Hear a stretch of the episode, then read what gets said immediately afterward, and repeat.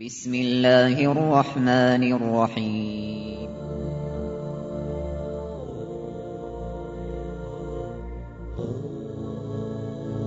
الرحمن العزيز الرحيم القوي السلام الكريم العظيم البصير العليم الحكيم الجبار.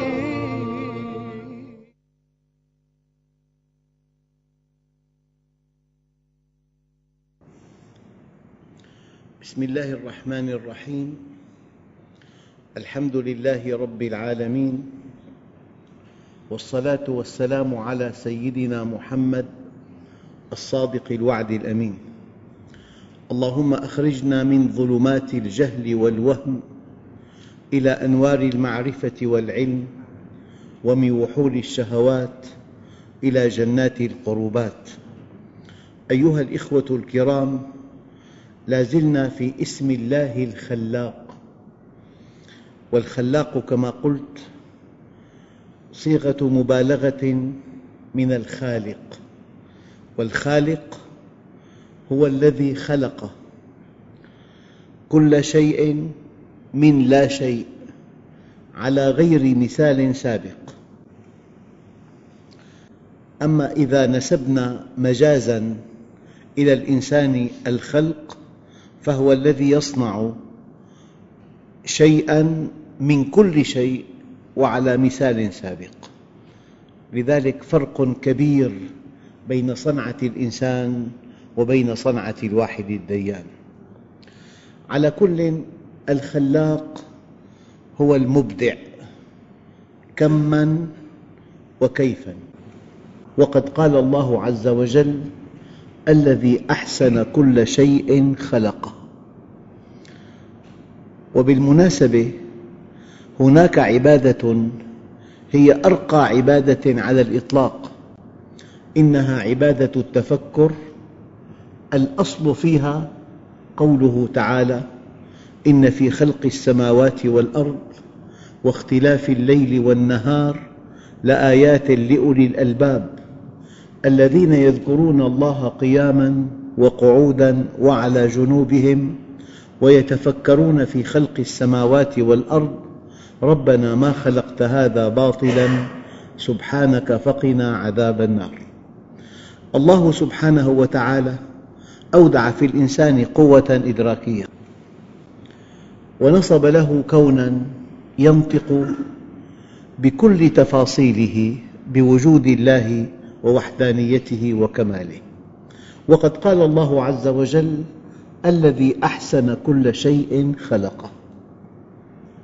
والله عز وجل جعل التفكر بآياته الكونية والتكوينية والقرآنية سبيلاً إلى معرفته.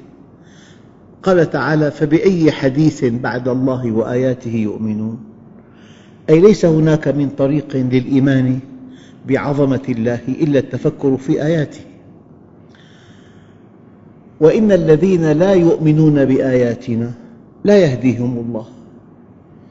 لذلك يمكن أن نقف وقفة متأنية عند خلق السماوات والأرض. هذا الكون هو ما سوى الله وعبر عنه في القرآن الكريم بالمصطلح التالي السماوات والأرض. السماوات والأرض مصطلح قرآني يعني الكون والكون ما سوى الله. الكون متحرك. وبناء على قانون الجاذبية لولا أنه متحرك لاجتمع الكون كله في كتلة واحدة. يعني المليار مليار مجرة وكل مجرة فيها مليار مليار نجم لولا أن الكون متحرك لولا أن كل كوكب يتحرك ويدور حول كوكب آخر لاجتمع الكون كله في كتلة واحدة. أما حركة الكوكب ينشأ عنها قوة نابذة تكافئ القوة الجاذبة فالمحصلة حركة مع سكون. أو سكون حركي.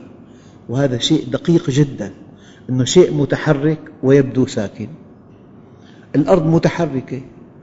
في الثانية تقطع ثلاثين كيلومتر في الثانية. يعني درس عشر, عشر ثواني ثلاثمئة كيلومتر. طيب عشرين ثانية ستمئة كيلومتر. طيب ستين ثانية ساعة يعني بالساعة نقطع مئات ألوف الكيلومترات. هي شيء من مسلمات العلم العلم الفلكي. الذي أحسن كل شيء خلقه. لما الإنسان يعود نفسه يجول في آيات الله الدالة على عظمته يزداد معرفة بالله. لأن الله سبحانه وتعالى لا تدركه الأبصار ولكن العقول تصل إليه. يعني إذا كان أقرب نجم ملتهب بعده عنا أربع سنوات ضوئية.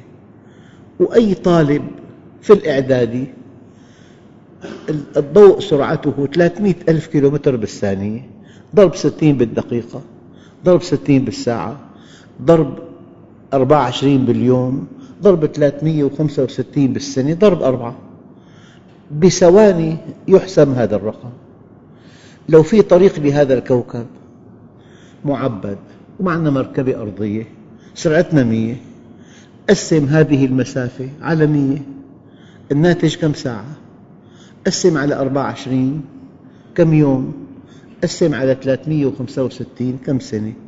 من أجل أن نصل إلى أقرب نجم ملتهب نحتاج إلى خمسين مليون عام من أجل أن تعرف ماذا تعني كلمة أربع سنوات ضوئية. أربع سنوات ضوئية يعني قيادة مركبة إلى هذا الكوكب خمسين مليون عام. الإنسان كل عمره مئة عام إذا عاش هذا السن. يعني في شيء بالكون مذهل. طيب أربع سنوات خمسين مليون عام. طيب أربعة آلاف سنة بعد نجم القطب عنا. من أربع سنوات لأربعة آلاف سنة. طيب مليونا سنة ضوئية المرأة المسلسلة. طيب عشرين مليار سنة بعد أحد الكواكب. عشرين مليار سنة. لذلك إنما يخشى الله من عباده العلماء. وكلمة إنما تعني أن العلماء وحدهم ولا أحد سواهم. لذلك إن في خلق السماوات والأرض واختلاف الليل والنهار لآيات لأولي الألباب. يعني إذا الشمس تكبر الأرض بمليون وثلاثمئة ألف مرة يعني جوف الشمس يتسع لمليون وثلاثمئة ألف أرض وبين الأرض والشمس 156 مليون كيلومتر وأن نجماً صغيراً أحمر اللون في برج العقرب اسمه قلب العقرب يتسع للشمس والأرض مع المسافة بينهما. ذلكم الله رب العالمين. هذا الإله العظيم يعصى. ألا يخطب وده؟ ألا ترجى جنته؟ ألا تخشى ناره؟ إذا لولا أن كل كوكب يتحرك وينشأ عن هذه الحركة قوة نابذة تكافئ القوة الجاذبة لاجتمع الكون كله في كتلة واحدة. الذي أحسن كل شيء خلقه. تصور أن كل عناصر الكون يحكمها قانون الانصهار. كلما ارتفعت الحرارة ازدادت سرعة الذرات فأخذ الجسم أو العنصر شكلاً آخر. من الحالة الصلبة إلى الحالة اللزجة إلى الحالة المائعة إلى الحالة الغازية. أي شيء إذا رفعت حرارته انتقل من حالة الصلابة إلى الميوعة إلى الغازية. أبدا. حتى صخور البازلت ترونها في البراكين تمشي كالأنهار. صخور البازلت ولو نظرياً رفعنا الحرارة أكثر لأصبحت بخاراً صخر البازلت. هذا قانون. الآن دقق. لو أن كل عناصر الكون لها درجة انصهار واحدة. ما الذي يحصل؟ الكون كله إما أنه صلب أو مائع أو غاز. أما أنت ترى طاولة صلبة. وفي آه، مقعد وثير. لين وفي ماء تشربه وفي هواء تستنشقه. من الذي قال وقنن أن كل عنصر في الأرض له درجة انصهار؟ لولا هذا التفاوت في درجات الانصهار لكان الكون كله بحالة واحدة. أنت في عندك بيت من الإسمنت صلب في حديد في مقاعد وسيرة في ماء تشربه في هواء تستنشقه. يعني في غازات في سوائل في معادن. إذا لو فكرنا في أن درجة انصهار العناصر متفاوتة لعرفنا قيمة هذه النعمة. أيها الإخوة أنت وزنك بالأرض ستين كيلو. على القمر عشرة كيلو. على كوكب بحجم الشمس ضرب مليون ضعف يعني ستين مليون كيلو. طيب من صمم الأرض بحجم يتناسب معنا؟ هذا من نعم نعم الله الكبرى أنه أنت موجود على كوكب وزنك ستين كيلو لكن على كوكب آخر قد يكون الوزن ستين مليون كيلو. الحركة أشغال شاقة صارت. إذا من جعل هذه الأرض متناسبة مع حاجاتك؟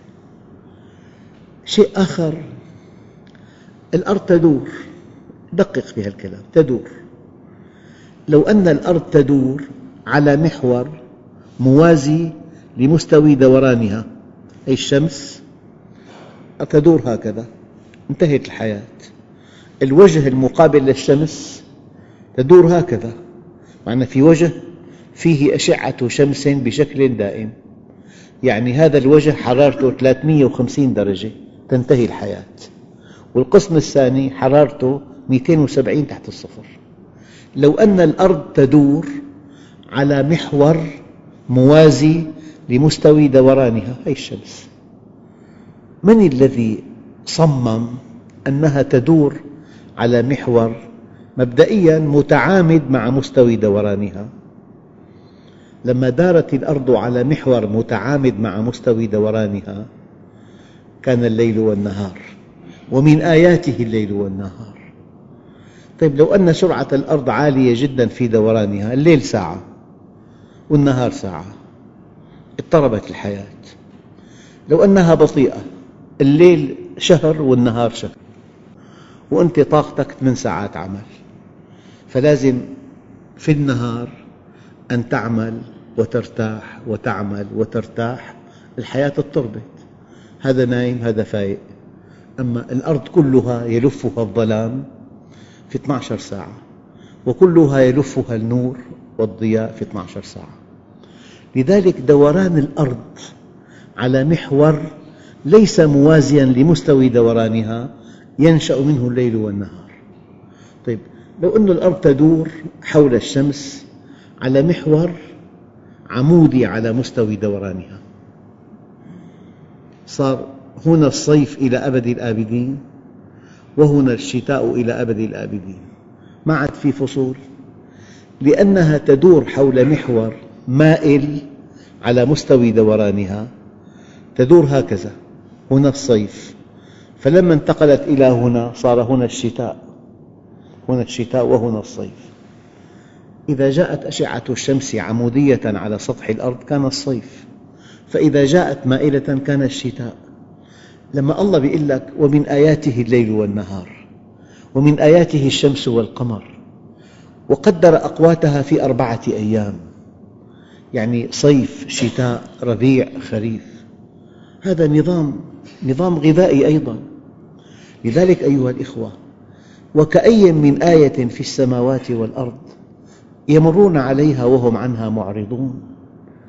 يجب أن تتفكر وقت الله عز وجل بيقول لك ومن آياته الليل والنهار من آياته الشمس والقمر.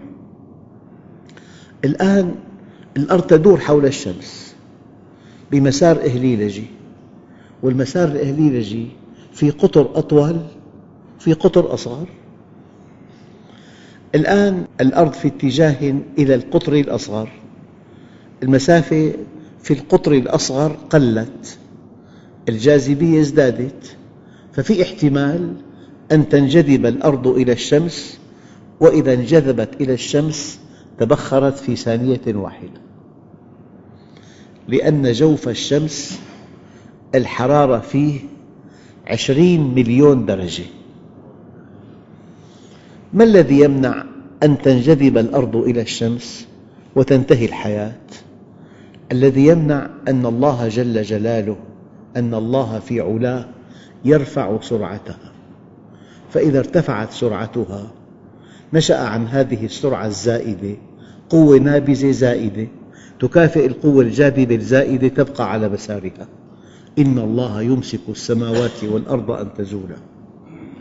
من آيات الله الدالة على عظمته أن تبقى الأرض على محور دورانها وعلى خط سيرها حول الشمس. نعم. الآن تجاوزت هذه المنطقة التي فيها القطر أصغر ورفعت سرعتها فنشأ من هذه السرعة الزائدة قوة نابذة تكافئ القوة الجاذبة بقيت على مسارها. فلما وصلت إلى القطر الأطول الجاذبية ضعفت والسرعة عالية في احتمال كبير أن تتفلت الأرض من جاذبية الشمس. فإن تفلتت آه، انتهت الحياة لأنها تصبح قبراً جليدياً. إذا ابتعدت الأرض عن مصدر الطاقة والحرارة تصبح قبراً جليدياً 270 تحت الصفر. تنتهي الحياة. من الذي يخفض سرعتها هنا؟ من أجل أن ينشأ عن تخفيض السرعة قوة نابذة أقل تكافئ القوة الجاذبة الأقل. الله جل جلاله. لذلك وما قدر الله حق قدره والأرض جميعا قبضته يوم القيامة والسماوات مطويات بيمينه. الآن من قال هناك كواكب منطفئة كالأرض وهناك كواكب ملتهبة كالشمس؟ لولا أن هناك كواكب ملتهبة وكواكب منطفئة لما كانت الحياة. الشمس مصدر الطاقة والشمس متألقة من خمسة آلاف مليون عام. من خمسة آلاف مليون عام والعلماء يقدرون أن عمر الشمس يستمر إلى خمسة آلاف مليون عام آخر. هذه الطاقة من أودعها فيها؟ ومن آياته الشمس والقمر. أيها الإخوة من الذي خلق الهواء؟ الهواء طبقة فوق الأرض سمك هذه الطبقة خمسة وستين ألف كيلومتر. خمسة وستين ألف كيلومتر.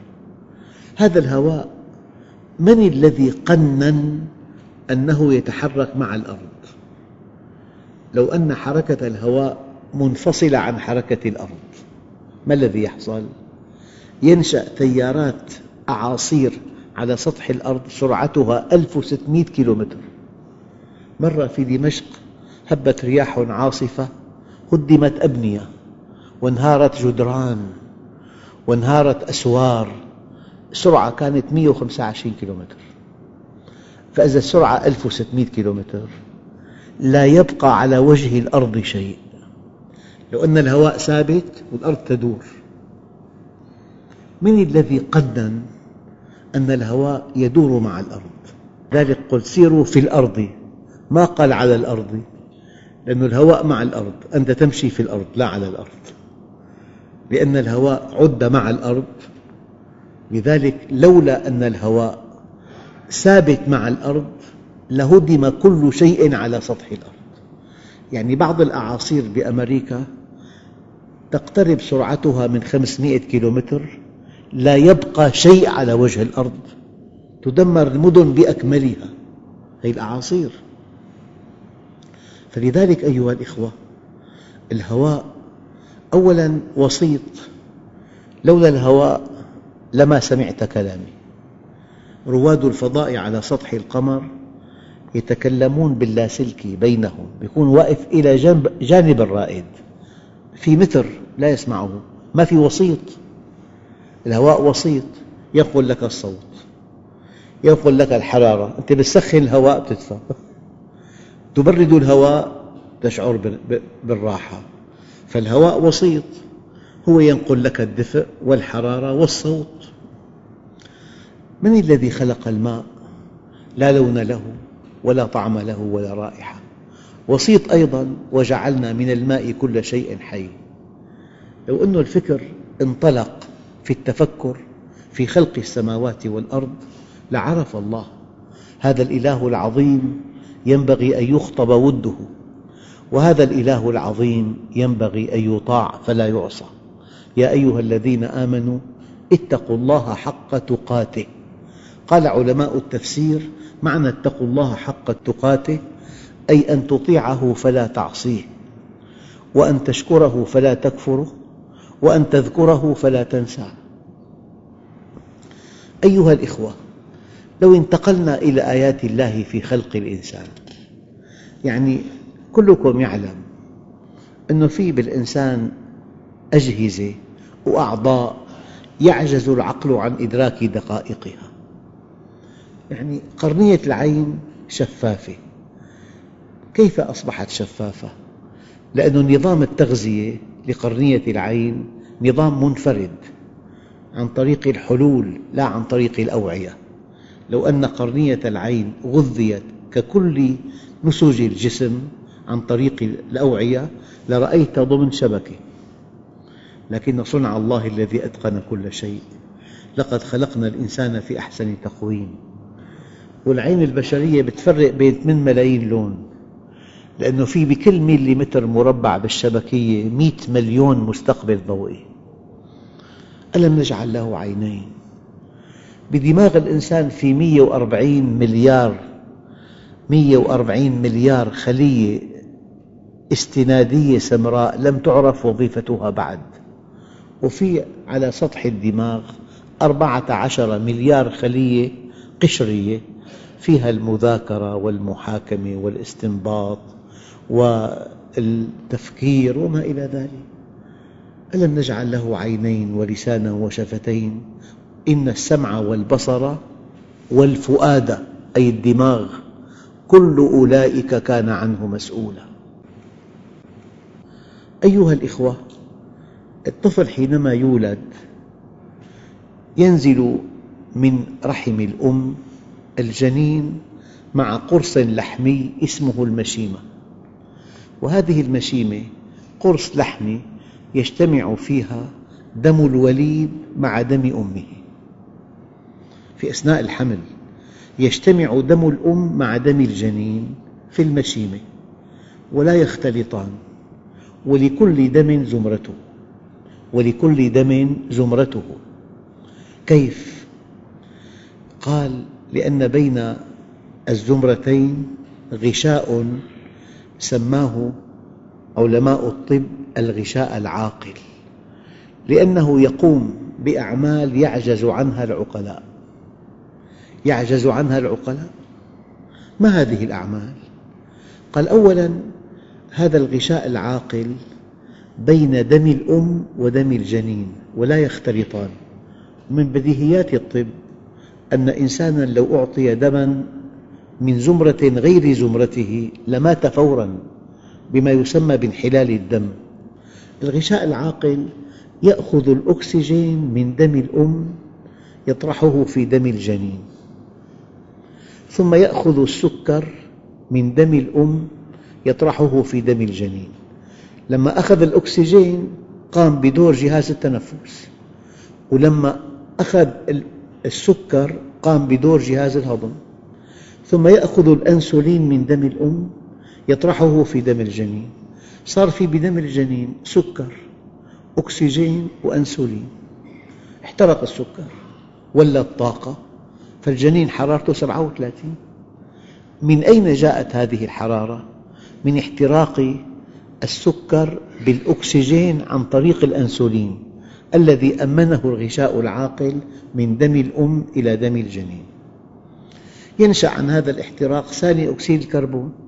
يأتي الغشاء العاقل يأخذ ثاني أكسيد الكربون من دم الجنين يطرحه في دم الأم.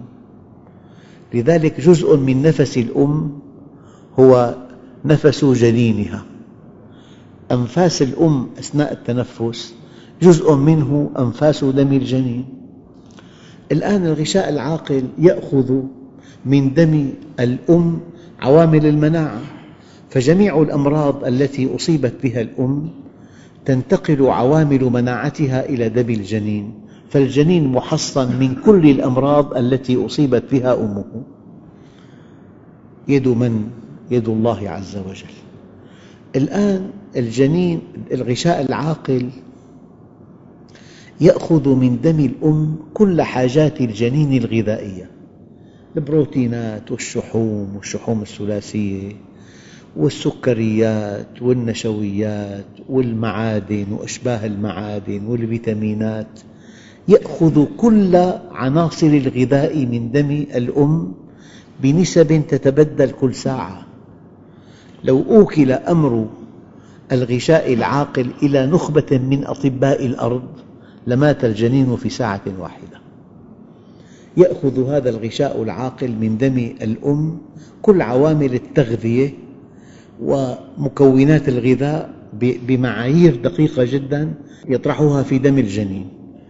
يكون الهضم وما يسمى بالاستقلاب. ينتج عن هذا الهضم حمض البول. يأتي الغشاء العاقل يأخذ حمض البول من دم الجنين يضعه في دم الأم. وقد يحتاج الجنين إلى مادة غذائية معينة فكيف يخبر أمه؟ ما في طريق للتواصل عن طريق أن الأم تشتهي طعاماً أثناء الحمل فيه هذه المادة تصميم من؟ خلق من؟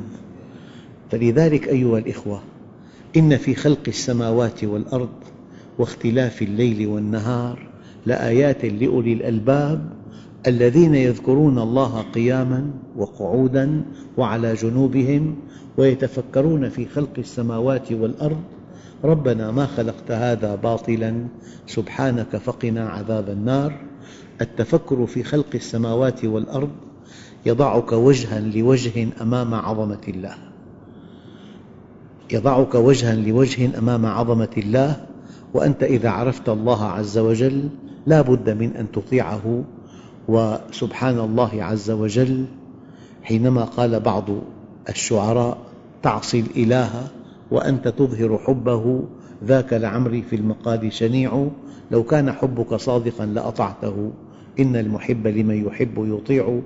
والحمد لله رب العالمين.